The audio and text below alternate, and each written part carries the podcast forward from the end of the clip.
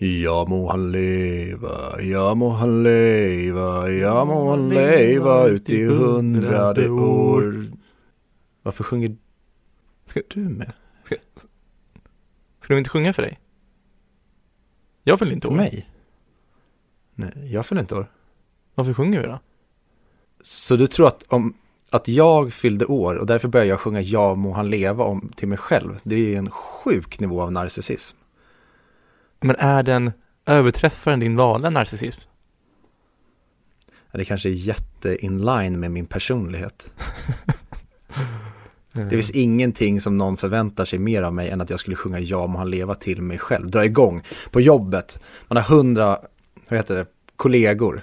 Och sen helt plötsligt börjar man själv dra igång Ja må han leva. Sen när det är klart så tar man bara åt sig äran. Tack allihopa, tack vad fint, vad, tack att ni sjöng för mig. Är inte det samma sak som när man lägger ut på Instagram eller Facebook? Idag fyller jag år. Jo, men don't get me started on that shit gällande Facebook eller Instagram. Där, där, där, där skulle man kunna, det skulle man kunna göra en lång, lång klinisk studie om det mänskliga beteendet. Tänk om någon hade på typ 90-talet sagt att ja, men om, mellan 20 till 30 år, då kommer alla att bara fotografera sig själva, alternativt be någon annan fotografera en så att man kan lägga upp det på ett personligt portfolio och bara få allting att handla om mig själv. Då skulle ju personen tro att världen har blivit psykiskt sjuk, vilket den har, men eftersom alla gör det så märker inte alla av masspsykosen. Nej. Men det är väl ganska ökänt att du och jag inte gillar sociala medier. Eller den aspekten av sociala medier i alla fall. Men eh, varför sjöng du? Jo, du och jag fyller ju 50 avsnitt idag! Och så lägger vi på någon funky musik. Nu är det fest. Ja, så det här kommer bli ett festavsnitt. Vi kommer skita i att prata om Cinema Paradiso och istället kommer vi bara prata om eh, romcoms som är festinvolverade. Mm. Nej, jag skojar bara. Men fyller vi ett, ett år i, för det finns ju hundår och, och sånt där. Finns det poddår också? Oj, det skulle man ju också kunna göra någon eh, enkät eller undersökning. Man hör av sig till massa podcast och så får de svara på vad de anser vara ett poddår. Och då man räknar poddår och sen vanliga år eller om typ ett poddår är 100 avsnitt eller ett poddår är 10 avsnitt eller vad, om det är bara ett kalenderavs, eller kalenderår att det spelar ingen roll hur många avsnitt du gör under ett år utan det är det året som är ditt poddår. För det var två märkliga saker jag tänkte på. Dels hur du började. Du började typ såhär, jag mår han leva. Istället för, jag, jag var osäker om du skulle rappa den eller sjunga den. Men också, varför sjunger man Jag må han leva på ett jubileum? Ja, det är väl för att hylla personen och att önska honom lika lång tid till. Jag vet faktiskt inte. Kan det vara för att vi föddes för 50 avsnitt sen? Inte för ett år, ett halvår, utan 50 avsnitt, det är så vi säger det. För annars borde vi ju fira efter 52 avsnitt, när det gått ett år. Mm. Vad, är, vad är en bättre låt eller sång att sjunga till ett poddjubileum då? Om det inte handlar om en födelsedag utan det handlar om en, mi- det är mer en milstolpe kanske. Kanske i Elton Johns I'm still standing. Absolut. Annars skulle man ju kunna ta någonting med, tänk dig någon film, det kanske är en film som är uppdelad i två eller tre, att man tar någonting från där de har kommit halvvägs på resan. Man tar bara, nej, de sjunger ju, det hade varit kul om Star Wars Return of the Jedi var mellanfilmen. Att den var Empire Strikes Back, så att den är mellanfilmen i första Star Wars-trilogin. Då hade vi kunnat sjunga typ eh, Jab Nab eller eh, någon annan låt som Evokerna sjunger. Mm. Istället blir det bara så här halvtidspaus, så man sätter bara på någon så här eh, hisslinga och sen så lägger vi på någon så här mingelljud i bakgrunden som att det var första akten. Nu är det paus och nu eh, snart fortsätter showen. Så att när, istället för att vi sjunger Ja man leva så spelar vi bara upp en kvart med eh, så här mellanaktspaus-sorl. Ja, eller, eller så hade vi gjort en, en eh, Thomas Newman, så hade vi tagit alla bra filmscores och slagit ihop dem till en och samma. Så vi bara, som blir montage av filmscores, som vi bara spelar upp. Eller så sjunger man Ja må han leva i de bästa filmscoren så att det blir en mix av det så att man sjunger Ja må han leva, ja må han leva och sen kommer det Ja må, ja må han leva, ja må han leva och sen fortsätter vi bara så. Tills vi har kommit alla bra filmlåtar vi kom på. Kul. Ska vi starta det här avsnittet? Ja men grattis till eh, 50 avsnitt, eller vi har ju inte spelat, vi är inte klara med det här avsnittet. Tänk om det hoppar in typ eh, SWAT genom fönstret nu och tar dig. Så att vi stannade på 49 och 49,01 avsnitt. Det var allt vi fick ur oss. Ja, alltså jag, jag förväntar mig att både Sudi och Moviesin och Filmmixen och Norgepod kommer skicka ett grattis till oss. Kanske en blomma till vårt kontor. Jag har hört att eh, Moviesin har kontaktat New York Times och Variety och slashfilm.com och Aftonbladet för att de har stor spridning. Och bara de ska köra en stor så här collab-hyllning till 100 mick i eh, morgondagens eh, vad heter det, stora framsida. Omslag, vad fan heter det? Jo, första sida. Perfekt. Så stay tuned. Och eh, tack för att ni lyssnar. Och så kanske man, eh, om det går, kan du cuea in introlåten till att Ja, men hur fan går jag? kan inte ens få en intro. Skitsamma, vi kör. hurra, hurra, hurra! Hej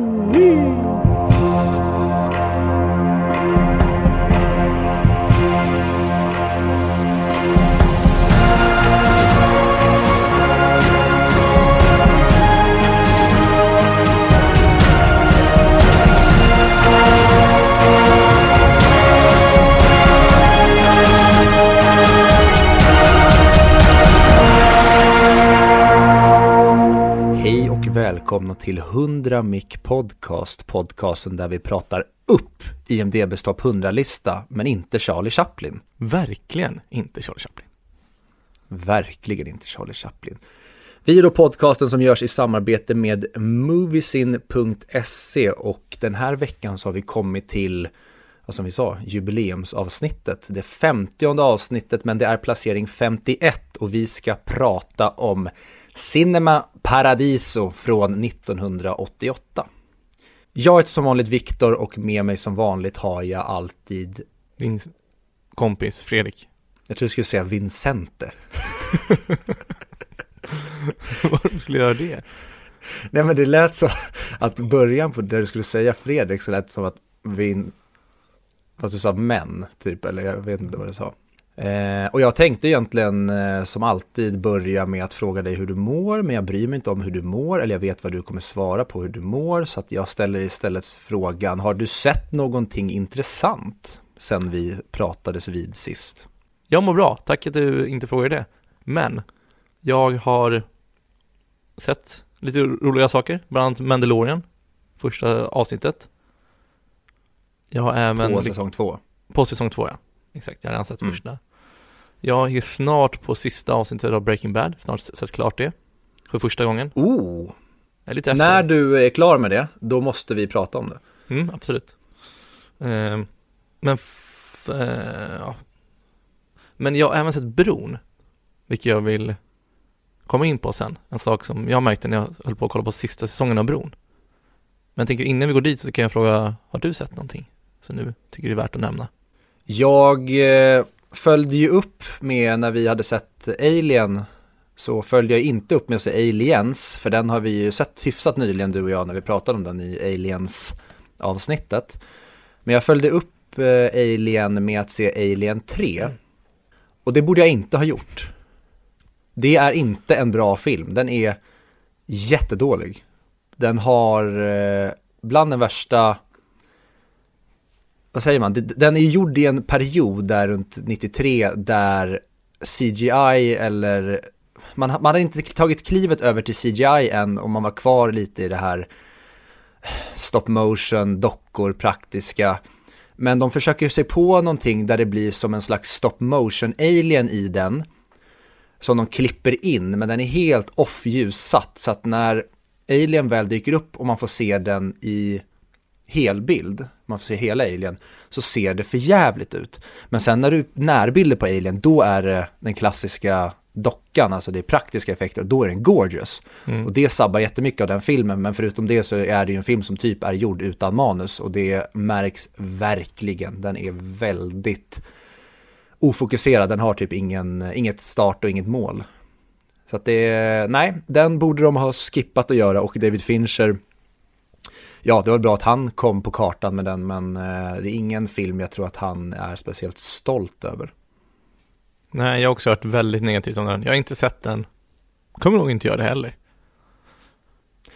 Jag har bestämt mig för att jag ska se alla Alien nu, så att nästa blir ju då Alien 4, Resurrection och sen ska jag se Prometheus och Covenant bara för att få en start och ett slut på Alien-universumet och sen kanske kunna ge ett eh, helhetsbetyg. Men då måste du ju se Alien vs Predator också. Det är ett eh, dilemma som jag ställts inför och jag vet inte om jag är redo för det, för att det finns väl typ en Alien vs Predator 2 också. Som jag har sett.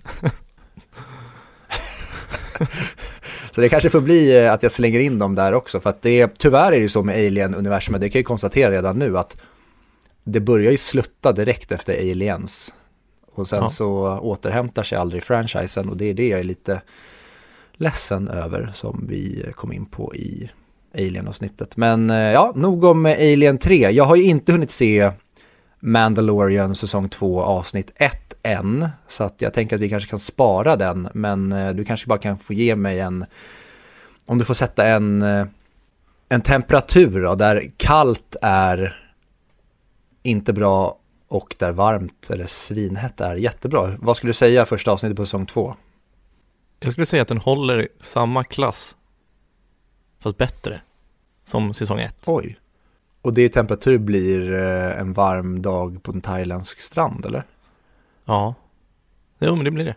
Jag tycker att, alltså, det är samma stuk. Det, det, det, det som jag har lite emot det, är ju det här CSI-aktiga, som jag kallar det för. Det här, eh, en sak per avsnitt händer. Att det inte är en Mm. overall storyline på samma sätt. Mm. Men eh, jag tycker att ändå, att om man ska jämföra med de andra avsnitten så tycker jag att den här håller väldigt hög nivå. Ja men det är ju positivt, för det hade jag ju problem med i säsong 1, just som du säger, CSI-grejen, att ja, vi har en stor övergripande storyline som handlar egentligen då om Mando och Baby Yoda och då Imperiets jakt på dem. Men sen har de här avsticksavsnitten som är i mitten av säsongen som jag tyckte stundtals var bedrövliga och de hade jag, jag hade hopp, typ hellre tagit en Mandalorian säsong 1 där de hade gjort kanske fyra avsnitt istället för åtta tror jag att det var och skippat de här mellanavsnitten som egentligen inte tillför någonting till storyn utan mer är side, alltså sidoäventyr. Och som avslutas i det avsnittet och sen har vi aldrig någonting med det att göra igen. Ja, men det är fortfarande lite så. Det är därför jag tycker Mandalorian inte når så högt som de hade kunnat nått i betygsmässigt. För mig. Där är till exempel Queens Gambit som jag såg förra veckan. Den är ju perfekt. Sju avsnitt, jag tror de är en timme långa, ja, 55 minuter. Och det är, alltså som en väldigt lång film. Jag missförstod ju dig där, jag trodde typ att det var en dokumentärserie, Queens Ah, nej, Gambit, nej. när du pratar om den. Den verkar ju också populär, jag har hört i flera andra, typ Filip och Fredrik pratade om att någon av dem hade sett den och ja, den verkar ha fått bra betyg. Mm. Så nu är det dags för det också. Jag är, jätte, jag är jättenyfiken på höra vad du tycker om den. Mm. Tyvärr så känner jag att det är en serie som hamnar långt ner på prioritetslistan. Till exempel Band of Brothers kommer jag ju se innan. Ja, det är bra. Men, Men, den är också ganska långt ner på listan för jag har eh, lite grejer som jag vill ta tag i innan. Men eh, du vill se Hamilton för 73 gången först. ja, så svenska filmen Micke Persbrandt, Hamilton i nationens intresse eller som kanske den mest briljanta svenska titeln som har gjorts, Hamilton 2. Men inte om det gäller din dotter. Va? Heter den så? Ja, den heter, den heter det. Det är helt otroligt märkligt. Undrar om det är lite som Starbucks, att man stavar eh, namnen fel med flit för att det skapar en till- kring det. Ja. Eller så är det att någon, hade, någon råkade säga copy-pasta när de skulle skicka in det. Och sen så skulle det skulle vara till någon komedi som skulle heta typ, men inte om det gäller din dotter, så skulle Hamilton 2 heta eh, Ryssland, USA och Saudiarabien och Kina och Nordkorea attacks Swedish government och skulle bli en awesome jävla världskrigsblockbuster. Men sen så råkade de skicka in fel namn så blev det men inte om det gäller din dotter, då gjorde de en mindre film. Mm. Nu gjorde om hela filmen då. Mm. Men eh, eh, när jag tittar på bron så, Born! exakt. Jag har inte sett alla, jag är på säsong fyra nu. Heter vill- det bron på, eng- på, på engelska? Heter det bro på danska? Alltså det heter bron men det stavas med ett e också, har jag för mig. Bron, Born! typ. Ja, någonting sånt där. Eh, men då ville jag bli spoilad av en kompis över en sak som kanske eller kanske inte kommer hända i serien. Eftersom jag orkade inte sitta och fundera på det hela tiden. Jag vill bara veta och sen lägger det åt sidan. Eh, så jag hade tyckt, för vi har ju pratat eh, om, en artikel förut. Vi kanske kan leta upp den och lägga ut den igen. Där de eh, testade att spoilers kan göra att filmer och serier och historier blir bättre.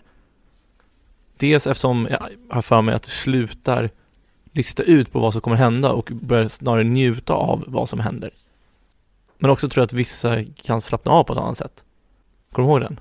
Ja, och jag tycker att det är intressant just att du tar upp det för att det låter ju precis som att det här är filmversionen av eh, Marshmallow-testet. Ja.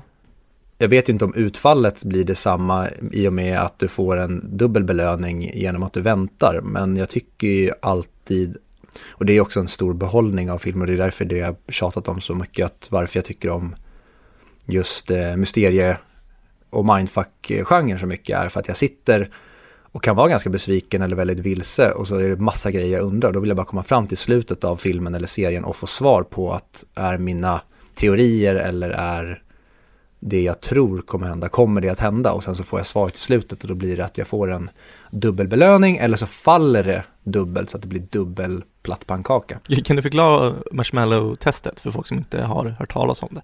Det innebär ju att om du kan äta en hel påse med marshmallows utan att kvävas så får du extra styrka i ditt nästa liv. Eller äh, ja, nej, det var ett annat test. Skitsamma, det har ingenting med det här att göra. jo, eh, det var det, eh, okej, det test du tänkte på, det är, innebär ju att man har gjort studier på barn och så har man eh, lagt fram, ett barn får sitta typ i ett rum och så lägger de fram en eh, marshmallow på en tallrik och så säger de att om du låter den här vara och inte äter den så kommer du sen bli belönad med en till marshmallow längre fram. Och då testar man då barn genom att se hur deras eh, förmåga att då skjuta upp belöningar för någonting, för en större belöning är. Alltså hur pass impulsdrivna är de? Till exempel, ja men om man tar då ett exempel i, för vuxna, eller som jag i alla fall själv kan relatera till, att okej, nu vill jag äta den här godisen, eh, men jag vill ju typ gå ner i vikt. Om jag inte äter den här godisen nu så avstår jag från njutningen och den korta belöningen, men i ett långsiktigt perspektiv så får jag inte de här kalorierna, vilket gör att jag kommer komma närmare mitt mål att vilja gå ner i vikt. De har gjort massa sådana här studier på barn för att se då, och det tydligen finns ett mönster i framgång, att barn som då kan hålla sig från att äta marshmallow när den presenteras för dem och väntar på den här andra, de blir också mer framgångsrika enligt de här studierna när de blir äldre, för att de tar inte det quick fix eller de vill inte ha belöningen direkt, utan de kan vänta på det långsiktiga och då är villiga att lägga ner arbetet och lida eller gå igenom den här strugglen för att sen få belöningen långt fram. Till exempel, ja men ta utbildning då. Istället för att du får din belöning direkt så är det många jobbiga år och sen när du är klar med det då får du belöningen. Alltså mer, vad ska man säga, järnuthållighet. Mm. Det, har, det har varit intressant att se den här studien. För alltså, det make ju sense, men det känns också väldigt hårdraget att dra alltså, enkel koppling att när du var sju år så höll du dig från att, äta- att äta marshmallow. Så du kommer bli mer framgångsrik än du som åt den. Eh, för, ja, dels för jag tror att sånt kan man ändra på med lite viljestyrka och tankesätt. Eh, men också, ja, det känns imponerande att följa personer så pass länge.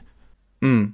Men det är ju som också typ tvillingstudier där de har eh, Ja. kunnat, och det, det är samma sak med marshmallow-testet, det, det säger inte allt, men det ger oss en indikation på till exempel genetik. Exakt. och hur det spelar in i vår, ja, i hur vi egentligen blir. Och att då brukar man ju säga det att det är 50-50 genetik och eh, vad säger man, omgivning.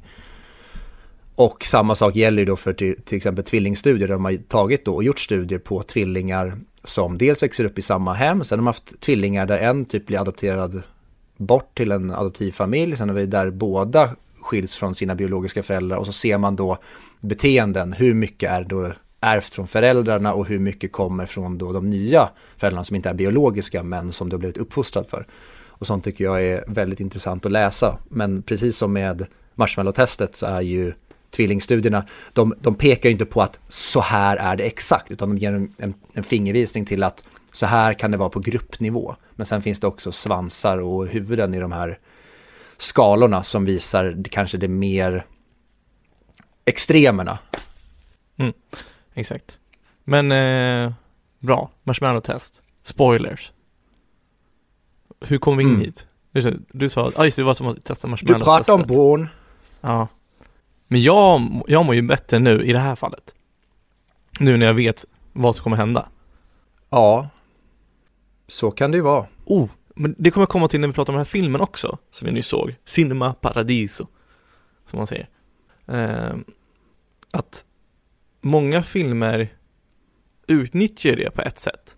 De visar ju, till exempel, vad heter den här filmen med, med han eh, manusförfattaren som blir skjuten och dör i poolen? Som flyttar in hos en avdankad skådespelerska. Du tänker på Sunset Boulevard. Exakt.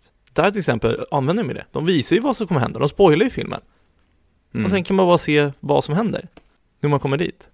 Mm. Sen, sen inte så svart och vitt såklart, för mysteriet blir snarare varför blir han dödad? Men fortfarande blir det samma sak. Ja, för där är ju både, där tycker jag även att i den filmen så finns ju marshmallow-testet också. Att okej, nu får du veta här att personen kommer dö. Men du kommer inte få veta hur han dog förrän i slutet. Och det är samma sak, det kan du ta reda på i början av filmen. Där vill jag veta direkt hur han dog. Men då får jag sitta och vänta på det. Ja, ja men exakt. Där blir ju snarare mysteriet hur det händer. Eh, men samtidigt så vet man ju vad som händer. Och det blir den största skillnaden. Och sen så hinner man ju glömma bort det. Man, man slutar ju tänka på det. Man börjar fokusera på vad som händer i filmen då. Så efter tio minuter har man glömt Mm. bort att han ligger död. Så kommer man på det, just det, han kommer ju dö sen. Och sen glömmer man Mm. bort det. Sen bara, nej, han kommer dö. Ja, det är verkligen det som är den typen av film. Men det pratade vi också om när Fabian var med. Att det är en del av styrkan i filmen. Att man Mm. man glömmer bort att han kommer dö. Och misslyckas de med det, ja då kanske inte filmen blir lika bra. Men den är så pass bra att vi börjar fokusera på helt andra grejer. Fast egentligen hela filmen är ute efter hur dog han. Men sen blir det om en film om någonting helt annat och sen så slutar det med att, ja just det, helvete, han kommer ju att dö. Och då blir det en dubbel belöning tycker jag. Mm. Jag tycker ändå dock att just i det fallet så tycker jag att det är lite lathet att göra på det sättet. Samma sak med American Beauty. Jag tror nästan filmen hade varit ännu bättre om man inte hade gjort så. Så man blir chockad snarare när det Mm. händer. Bara, what the Ja, men samtidigt, ja, jag tycker om båda de karaktärerna så pass mycket i de filmerna att jag blir ju, speciellt i American Beauty när jag sitter då, nej, snälla Kevin Spacey, dö inte snart, jag vill inte det, okej. Så blir det att, eh, var det grannpappan som gjorde det? Var det grannsonen som gjorde det? Eller vem är det som till slut kommer att döda Lester? Och då visar det sig att Ja, det var grannpappan och det fanns väldigt många suspects som det kunde vara. Men eh, ja, jag ska, det ska bli intressant att höra din, eh, ditt resonemang kring det där i eh, Cinema Paradiso. Mm. Ehm, Men jag tycker i alla fall, det jag vill komma fram till. Det var kul om vi kunde testa spoiler-saken. Att vi båda får testa två filmer, en alltså, som vi inte har sett. Eh, där vi, en av filmerna så tar vi reda på vad som, vad som händer i slutet. Hur den slutar. Och kan alla major plot points. Och sen kolla på den. Och en annan där vi inte vet någonting. Mm. Den blir väl svår att utföra, men skulle det inte bli samma typ av experiment om man ser filmen utan vetskap, sen ser man om den? Nej, för då har du, då har du första upplevelsen. Första Ah, upplevelsen ska, ska inte vara att du har sett filmen, tänker jag. Mm. För har du sett den en gång så då kommer du ha sett allting som händer. Men får du se den första gången men du vet bara alltså ändringarna. Du har inte sett så här, det underbara scenografin och allt det där. Ja, men om man skulle kunna spara tid, men definitivt inte spara hjärnceller på om man gör en sån här typ Joey och Chandler-grej. Att jag ser en film, Sen kommer du över till mig och sen, ja, jag sätter på mig en hjälm eller kanske lite bubble wrap. Och sen så slår du mig i huvudet tills jag inte kommer ihåg filmen längre. Ja. Hur tänkte du att det skulle hjälpa här? Alltså det är en ofärdig tanke, men jag vet att när jag tänkt klart det här så kommer det bli ett jättebra experiment. Så det du säger i alla fall att jag sitter med en hjälm och eh, bubbelpapper? Ja, och ett vapen. Typ järnrör eller eh, jag vet inte, ett svärd. Nej, svärd. Då blir risken för att du skär någonting och det vill jag inte. Så ta med ett järnrör. Eller typ en eh, sån här Donatello Turtles eh, pinne. Så att du kan slå med Darth Maul, så här dubbel. Du, ger mig en double punch från båda sidorna. Ja. Ja, okej. Och eh. En, en annan riktig double punch. Det är ju det är, ju- det är ju när man eh, kommer tillbaka till sin gamla hemstad och märker att biografen ska rivas. Ja, hatar när jag, när jag flyttade in till stan ett år och sen flyttade jag hem och så såg jag att de inte hade rivit den lokala biografen i Tyresö, att de hade, de hade skri- utan att de hade rivit skolan som den biografen låg i. Så det var ju nästan samma sak. Jag skulle kunna säga att jag har levt Cinema Paradiso, fast en lite mer eh, äkta version. Och Så mer att, om det eh, efter den här musiken.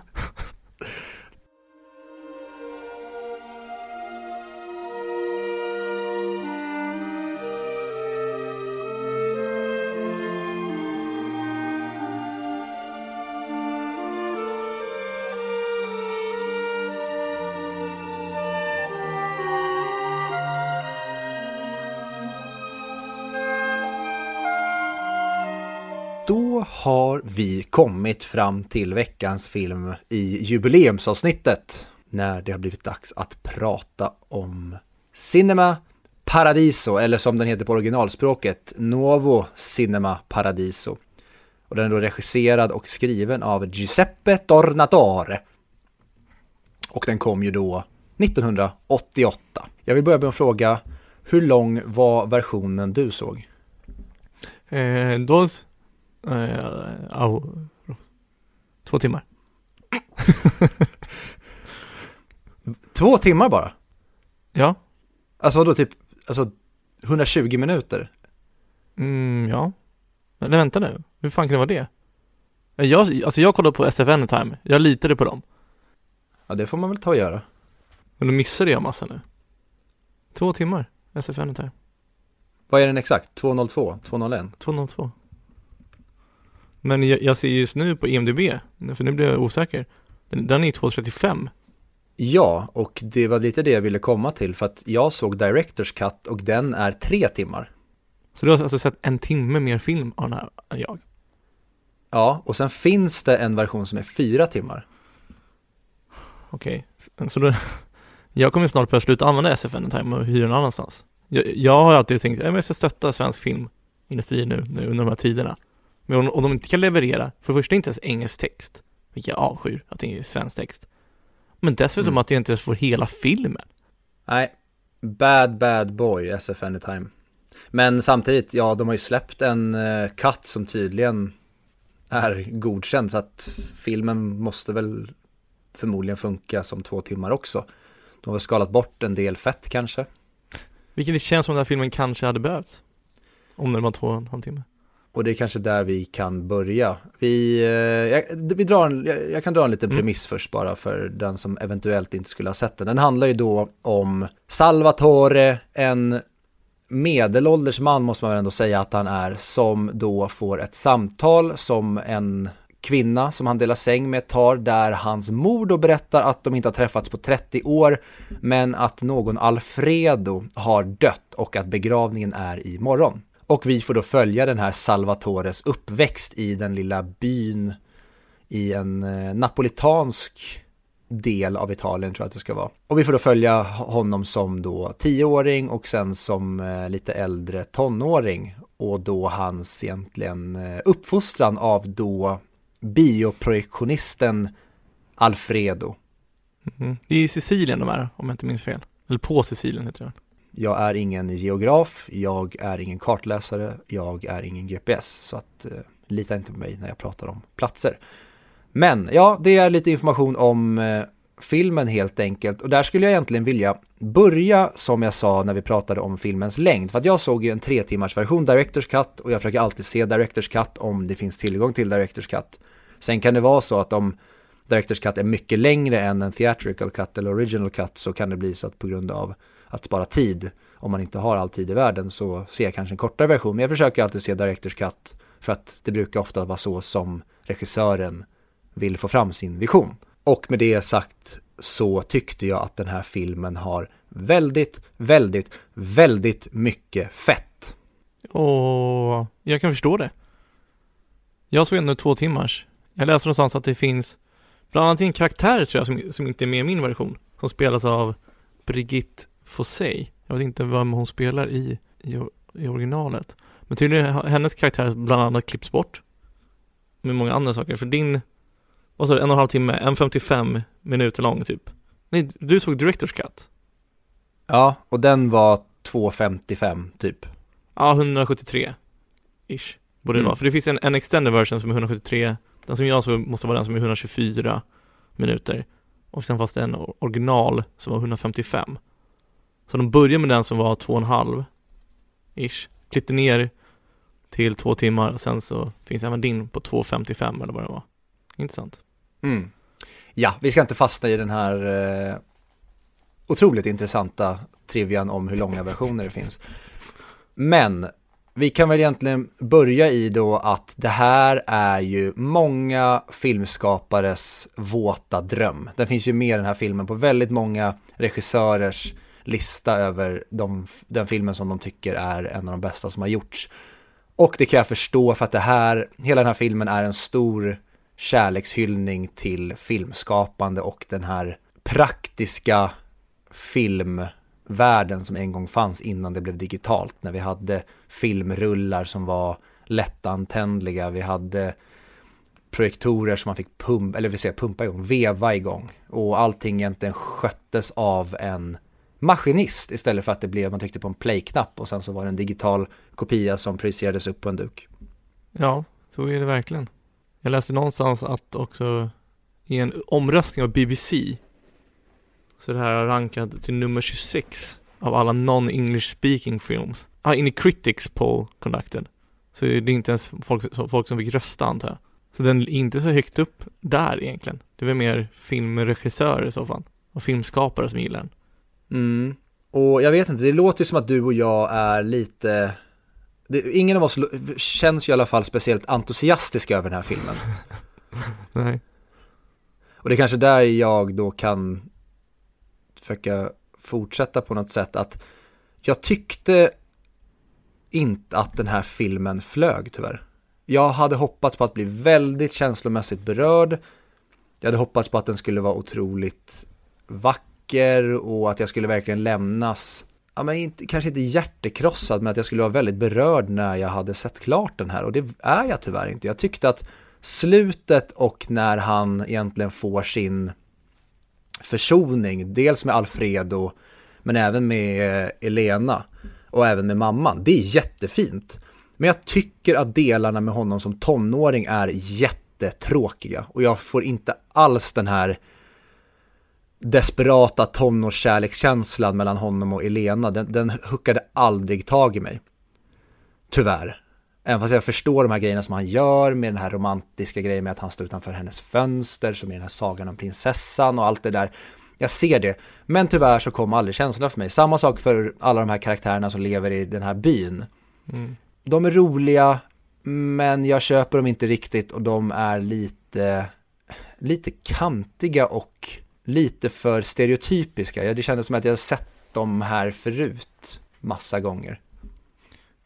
Det är kul det här med tonårssaken. Hur creepy det egentligen är när han säger att jag kommer stå utanför ditt hus varje dag tills du gillar mig.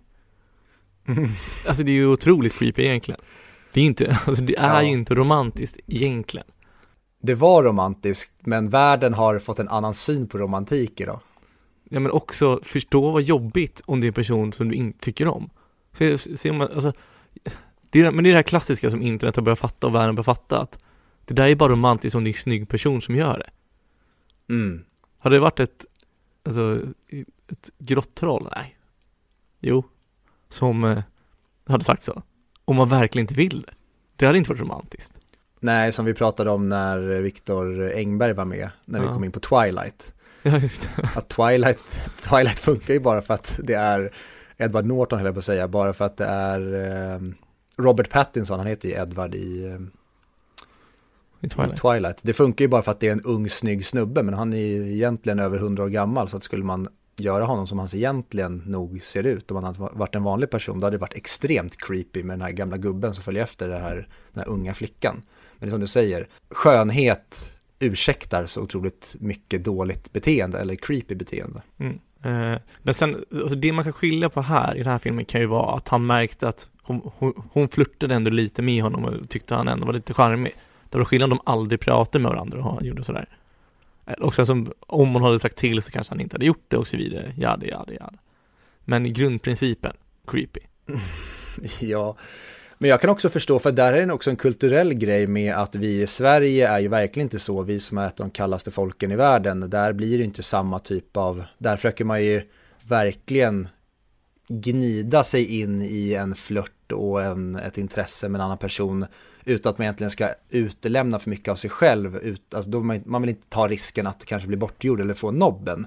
Det känns som att ju längre söderut man kommer på, om, om vi går i den riktningen, då känns det mer som att man uppvaktar och visar sitt intresse, att det blir mer som en kulturell grej, att så här, här ska mannen uppvakta kvinnan och få honom, eller få henne att känna sig uppvaktad och förstå att den här personen kommer göra allt för dig. Vi har inte riktigt den kulturen i Sverige. Nej, det är sant. Det, det kanske är lite skillnad i Italien och Spanien och andra varma länder. Men jag har också hört någonstans att i dessa länderna, det här har jag hört från en kompis pappa för länge sedan, så jag har ingen aning det stämmer. Men det make sense då. Där så ska tjejerna säga nej två gånger kanske, en eller två gånger. Så du ska försöka och få nej i alla fall tre gånger. Och då fattar du, okej det här är över. För annars är det typ fult att säga att så här, visa intresse direkt, utan man ska låta mannen, som du säger, uppvaka några gånger.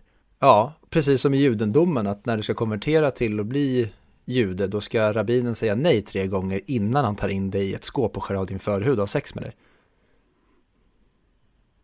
Eller det, det, jag kanske har blandat ihop det där med judendomen och någon porr jag kollar på. Skitsamma, jag, jag köper det du säger. Mm. Eh, Okej. Eh, konstig par. Men eh, nu, nu kommer jag, nu tappar jag bort mig lite här. Nu blev, nu blev det så upphetsat så att du börjar bara tänka på judisk barnpornografi. Jag, jag, jag försökte kolla på, tänka på hur jag skulle respondera på normalt sätt till det där. eh, men okej, om, vi, om vi går tillbaka till filmen. Så jag, jag håller med tonårs... När han är, jag gillar ju att se när han är barn. Otrolig skådespelarinsats av pojken. Ja, tydligen har han filmat typ 300. Eller testfilmat 300 barnskådespelare. Eh, så jag, jag håller Ja. med. Och det, det, det, är en, så här, det är en jobbig unge som man ändå känner att man hejar på honom. Och det är även där som man får se hur snäll och underbar Alfredo är. Det är väl första gången man får se det är ju när han tappar, när han använder pengarna för att köpa biobiljetter. Hans mamma är jättesur på honom. När Alfredo kommer in och ger honom 50, vad nu deras pengavaluta hette. Jag kommer inte ihåg Lire. lire. Det är det som, alltså hela filmen bygger ju, för jag läste lite vad filmen handlar om på IMDB när jag kollade upp den, eller om det var på SF Anytime, jag läste det. Det handlar om det speciella bandet mellan pojken och Alfredo. Mm. Och det gör ju det, och då blir ju alla andra scener inte lika intressanta tycker jag. Sen när de inte är med varandra. Ja, och jag kan tycka att det, hade det varit en tajtare film med mer fokus på deras förhållande så kanske den hade träffat mig mer.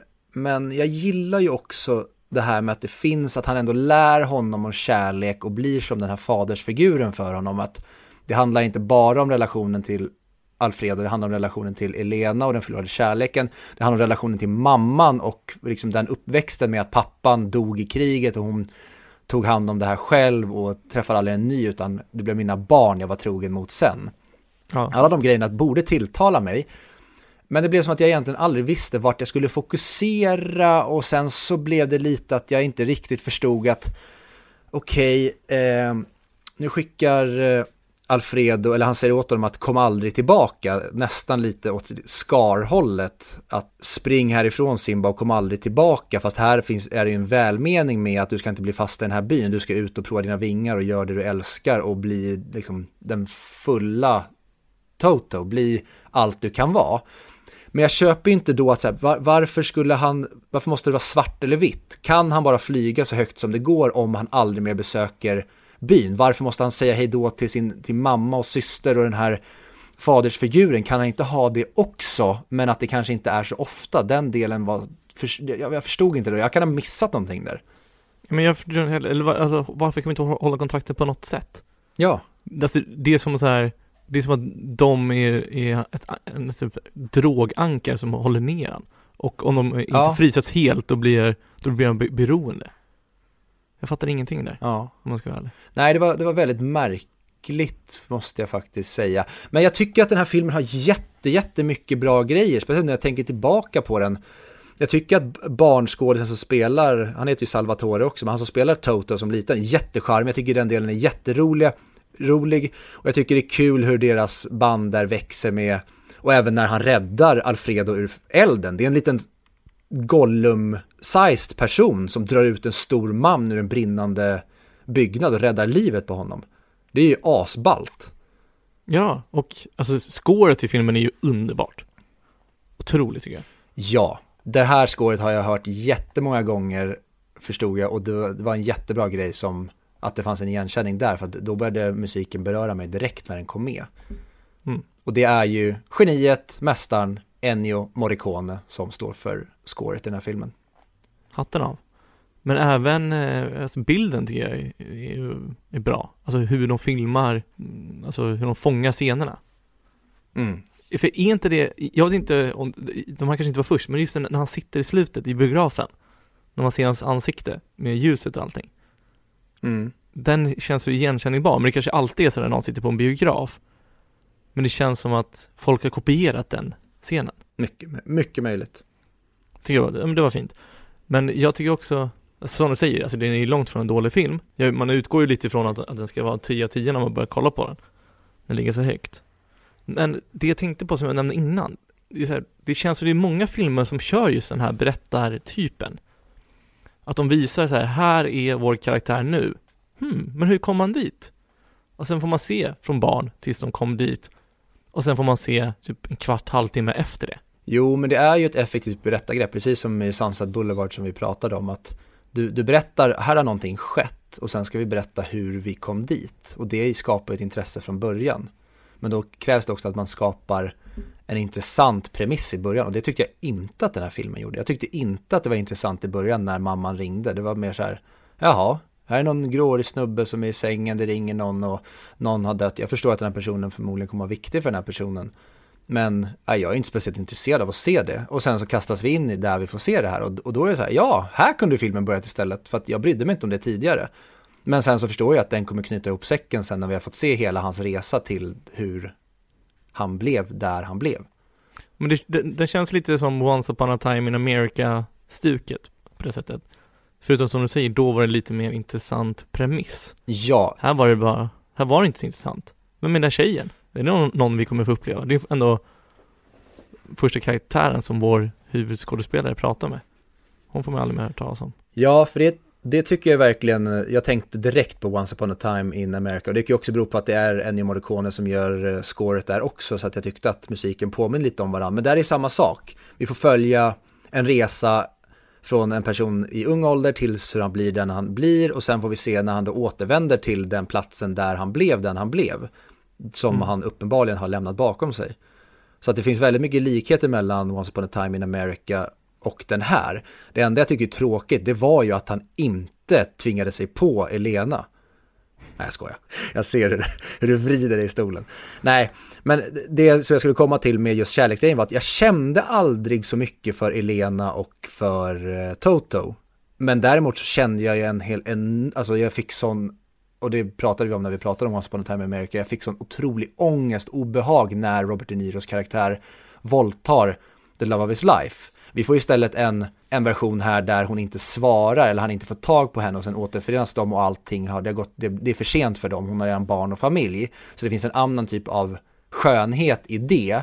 Men jag gillar just, just det där hemska när istället för att det blir att ja, det var fint, vi kunde fått vår möjlighet, vi fick vår tid, men nu måste vi gå skilda vägar. Jag gillar ju det här när man går, går in och bara sliter ut hjärtat på en som Once upon a time in America där personen sabbar allting istället. Men det är ju bara preferens och smak. Ja, jag hade gillat att de skulle återförenas. I know. Det hade varit fint. Tycker jag. Eller att han kunde hitta någon annan i alla fall. Han behöver inte vara olycklig resten av sitt liv. Det känns som att allting han har gjort har varit ett misstag i slutet. Det är så jävla ångestfylld film att titta på där tycker jag. Dels, Ja, de- dels får man det här att teknologin utvecklas och världen kommer aldrig vara detsamma, allt blir bara sämre, känslan. De river alla gamla fina minnen man har. Alla man älskar kommer dö eller försvinna. Och det här att, ja, ingen kommer älska honom, så det var, ja, vad har han gjort egentligen? För man får, man får inte se när han lev, lever livet, som man, det han ska göra. Man får se när han ligger på hotellrum med en kvinna som inte älskar honom och han kommer aldrig hitta någon han gillar. Har några vänner? Jag vet inte. Mm. Nej, jag, eh, jag håller med och ju mer vi pratar om den här nu så istället för att jag tycker sämre om den så tycker jag bättre om den.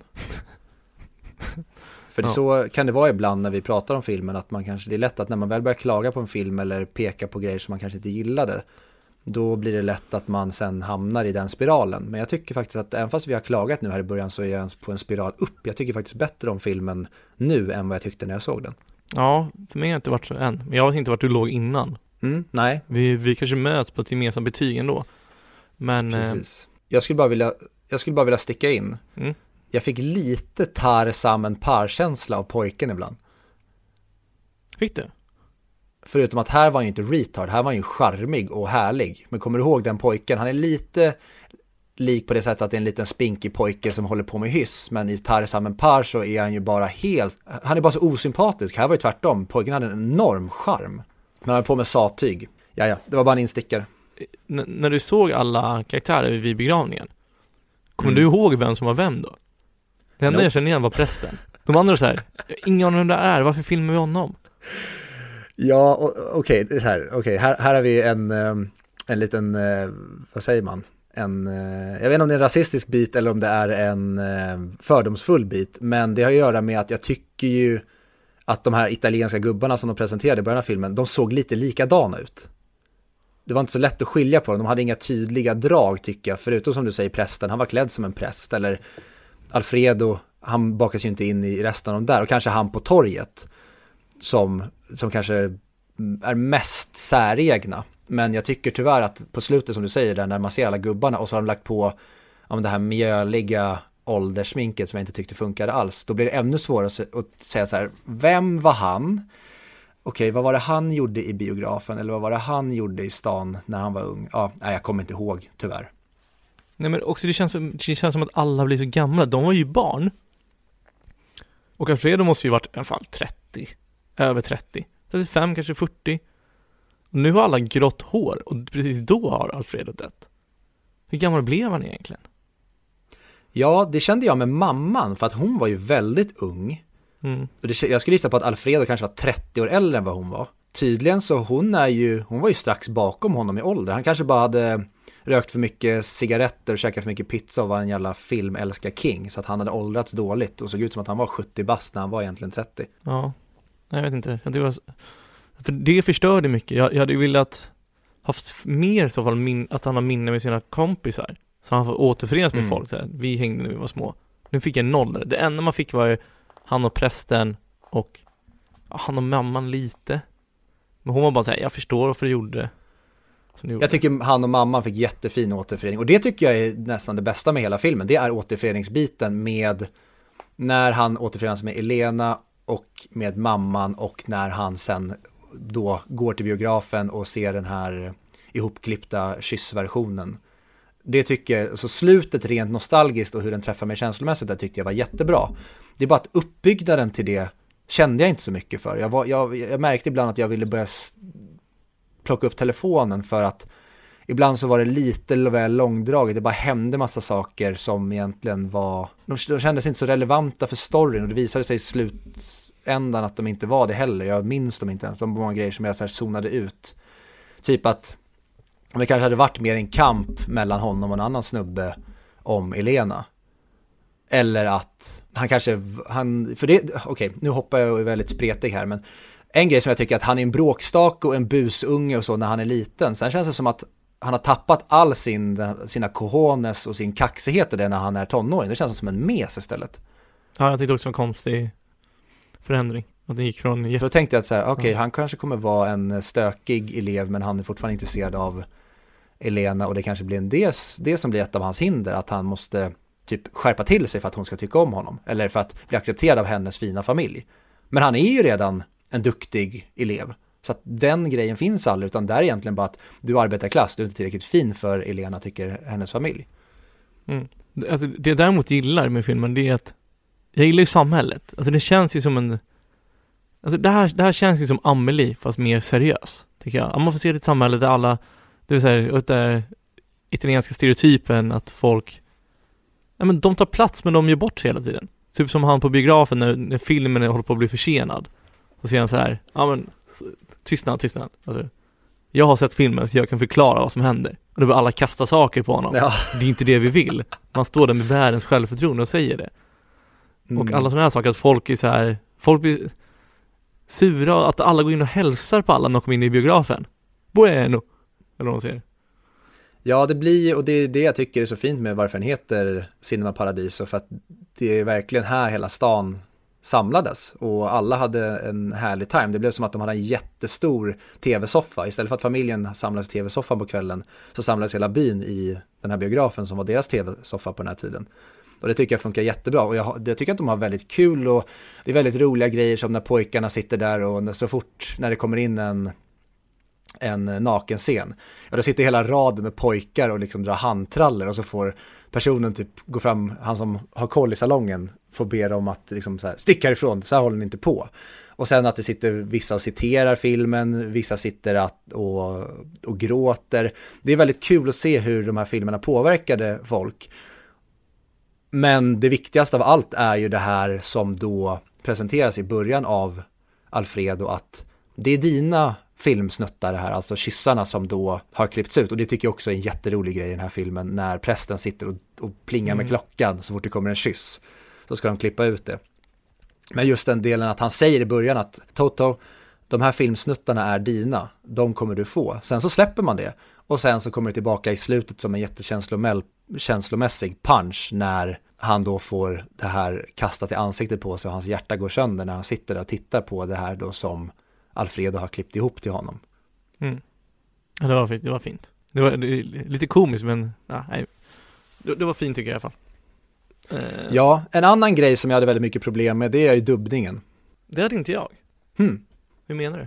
Ja, att Alfredo till exempel, han är ju dubbad. Ja, han pratar franska i hela filmen va? Ja, och sånt där, nej, det gillar jag inte. Sen, ja, jag tyckte de gjorde en bra dubbning och de hade en röst och en timing och det som var bra till honom. Men ibland så sitter jag och bara stör mig på att munnen är helt ur synk eller att han pratar vidare efter han har slutat prata. Mm. Jag tror jag antingen blev van med det eller om jag läste texten för mycket och kollade på allting runt omkring. jag, jag störde mig inte på det alls faktiskt. Men det är ju, jag, jag, jag, tror att han får till den här känslan just varför vi gillar den här italienska miljön och hans hemby. Det är ju för att eh, Tornatore, han har ju baserat mycket av det här på sin by som han växte upp i. Så att det är mycket grejer som han går på nostalgispåret som han själv har upplevt. Och jag tycker att det är väldigt kul med det här italienska temperamentet som de har. Det är väldigt roligt, men samtidigt, ja, det är en historisk kontext med att förut så slog de sina barn bra mycket mer våldsamt än vad man gör idag. Men jag tycker att det finns en fin del nu när den här filmen är 30 år gammal, att man får se hur det var. Att, ja men sköter du inte som unga, men då får du stryk. Och samma sak händer ju honom i tonåren, han får stryk av Elenas pappa. Och jag gillar den här italienska hands-on grejen. Det är mycket gester, det är mm, intensivt, folk säger vad de tycker, de skriker på varandra, ibland så blir det handgemäng. Det finns en väldigt, eh, det är en sån passion i eh, italienarna och det tänkte jag på att okej, okay, om vi hade gjort den här filmen fast en svensk version, det hade varit den tråkigaste filmen som finns. För ingen hade ju börjat tjafsa med någon annan eller tagit diskussion. Alla hade bara sagt att ja, jag tycker du är dum och sen hade man gått och snackat man skit med någon annan bakom ryggen. Jag tycker att just den här filmen funkar väldigt bra i ett italienskt temperamentskontext, typ. Men det, det är det jag gillar med det, med den kulturen de presenterar i filmen, så jag vet inte hur korrekt den är med verkligheten. Men det här med att, alltså, som jag säger, ingen, det gör ingenting om du gör bort sig, för då är det någon som ser till sig, vad fan gör du? Och sen så Mm. kommer lite jidder och sen så är det inget mer. Så folk vågar ju ta för sig på ett annat sätt då. För de vet att det inte är hela världen. Någon säger att du, du har gjort fel och sen så går man vidare. För man vågar prata med varandra och eh, man är inte konflikträdda. Mm. Och det blir lite då som att det är det här lilla samhället som uppfostrar varandra istället för att det kanske bara är en mamma eller pappa. Så att när hans pappa då aldrig finns i hans liv, Mm. ja men då tar framförallt Alfredo på sig den rollen och blir hans symboliska pappa, men även byn är ju med och lärarna och prästen och allt, de är med och uppfostrar de här människorna. Att det inte bara blir att man får ta ett samtal med rektorn och sen så hoppas man på att man sköter sig, utan nej, du får en smacking over the head med eh, någonting om du sitter i skolbänken och inte sköter dig, eller så kastar de ut dig. Det är, det är så fysiskt att det känns som att ungarna verkligen lärde sig pli på grund av den här typen av kultur. Ja, men sen som vi, när du pratade innan om, om att alla samlas i biografen. För tydligen så ska, den här filmen ska ju vara en liten hyllning till biografer som fanns. Mm. eh, som var liten som det här. För när filmen är inspelad, eller när filmen utspelas, alltså 1956 var det väl? 1954, någons- bland annat. Jag tror att den börjar 54. Okej, för då hade tydligen Italien 17 000 biografer i hela landet, alltså mest i hela Europa på den tiden. 54 kan den inte ha börjat, den börjar väl typ direkt nästan strax efter andra världskriget eller? Den borde börja typ 45, 44, 45.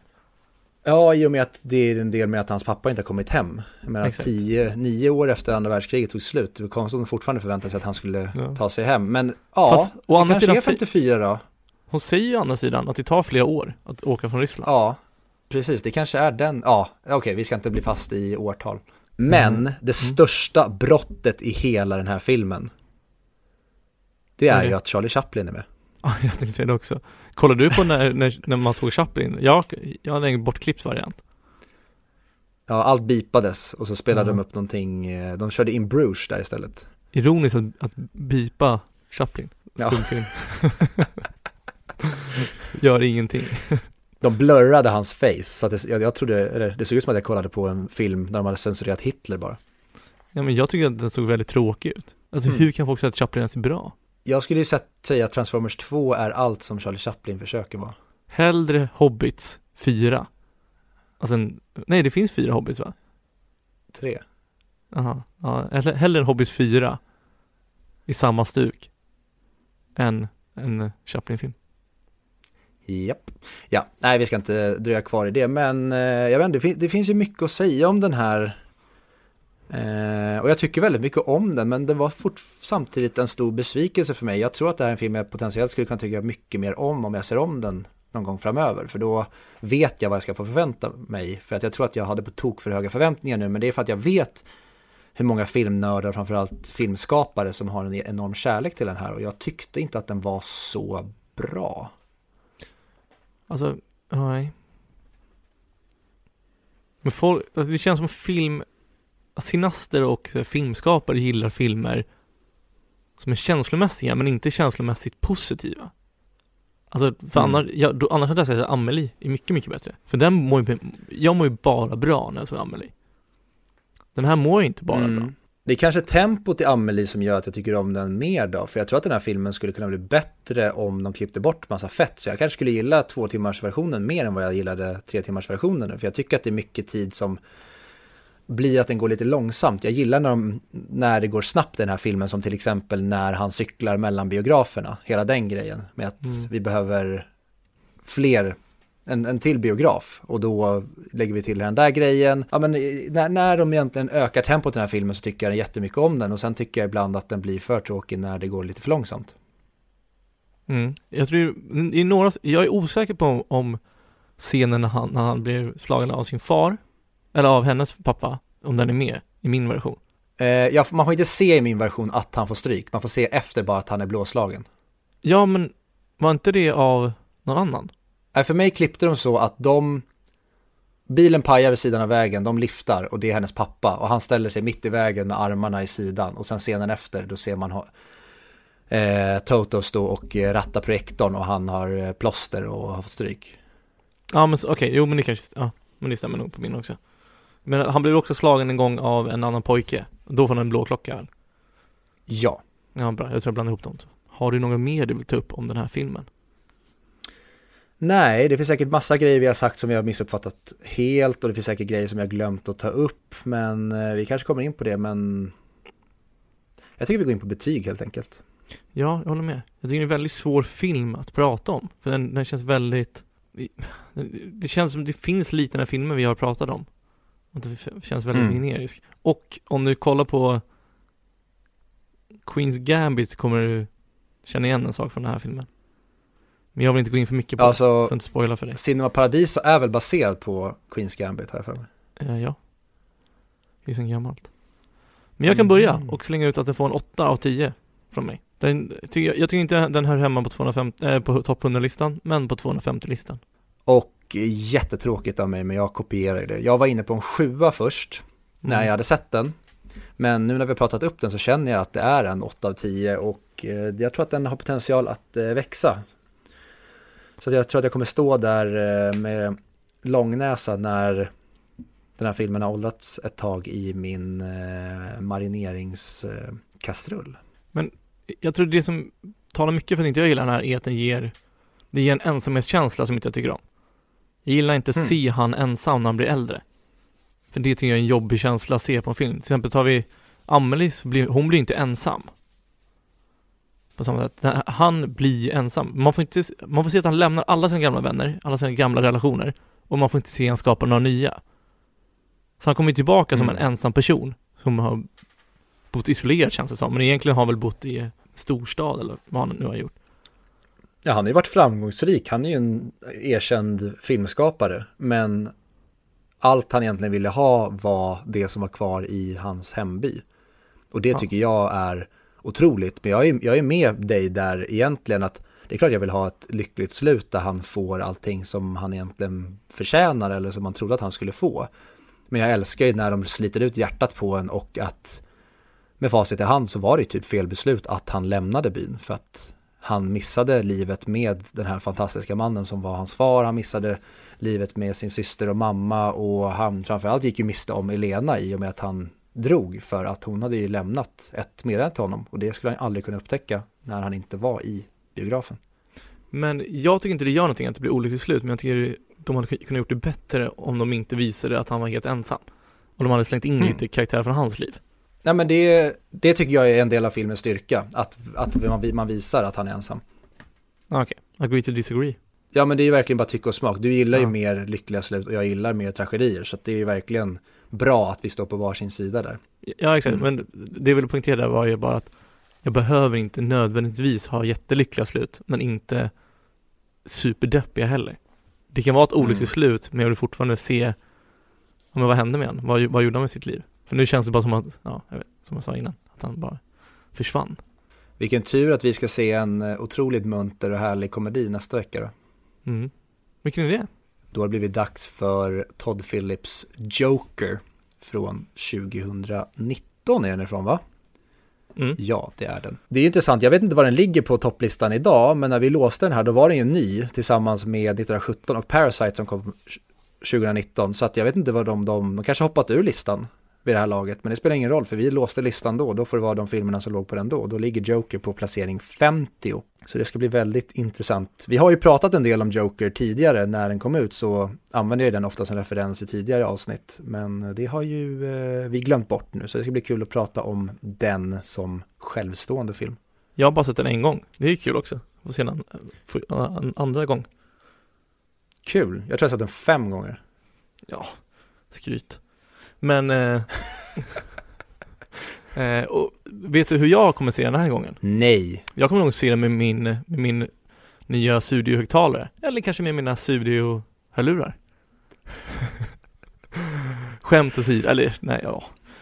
Jag vet inte, men eh, jag vill bara påminna återigen. Skriv in 100 mic 100 MICC på Studios hemsida så får ni dels deras 25% rabatt men även 10% ytterligare rabatt från oss, vilket ger alltså 35% rabatt på hela deras sortiment på deras hemsida. Bra, då har vi Ja men det är väl kul. Men Joker, den går ju då att eh, se, om du har ett Netflix-konto så finns den där. Annars går den att hyra på Blockbuster, iTunes, Rakuten TV, SF Anytime, Viaplay och YouTube Movies. Så att eh, det är bara in och titta för nästa vecka. Då ska vi prata om den otroligt härliga komedin Joker från 2019. Och som vanligt, vill ni ge oss beröm, vill ni ge oss kritik, har ni några frågor eller punktera någonting vi har sagt fel på så kan ni skriva till oss. Eh, vanligt är väl att folk skriver på Instagram. Eh, annars så finns vi väl även på Facebook och Twitter. Men även kan ni mejla till 100micpodcast.gmail.com Ja, det vore väldigt uppskattat också om ni ville gå in i eran poddspelare och ge oss ett eh, betyg eller en recension. Det har jag hört andra poddar säger hjälper för att typ synas i olika, om du söker på typ filmpoddar och sånt så dyker man upp där. Så att vi skulle bli jätteglada om ni ville gå in och ge ett betyg. Sen vill ni ge ett negativt betyg, ja men gör det om ni tycker att vi suger. Men kom gärna med lite konstruktiv kritik och det får ni gärna ha om ni kontaktar oss oavsett. Så länge kritiken är konstruktiv så får ni pissa och vara hur arga ni vill på oss, eller hur glada ni vill. Och, men det är viktigt, om ni ger oss lågt betyg, printa det, lägg ut det på era egna sociala medier och skriv Lyssna på den här, den här kommer ni inte alls gilla.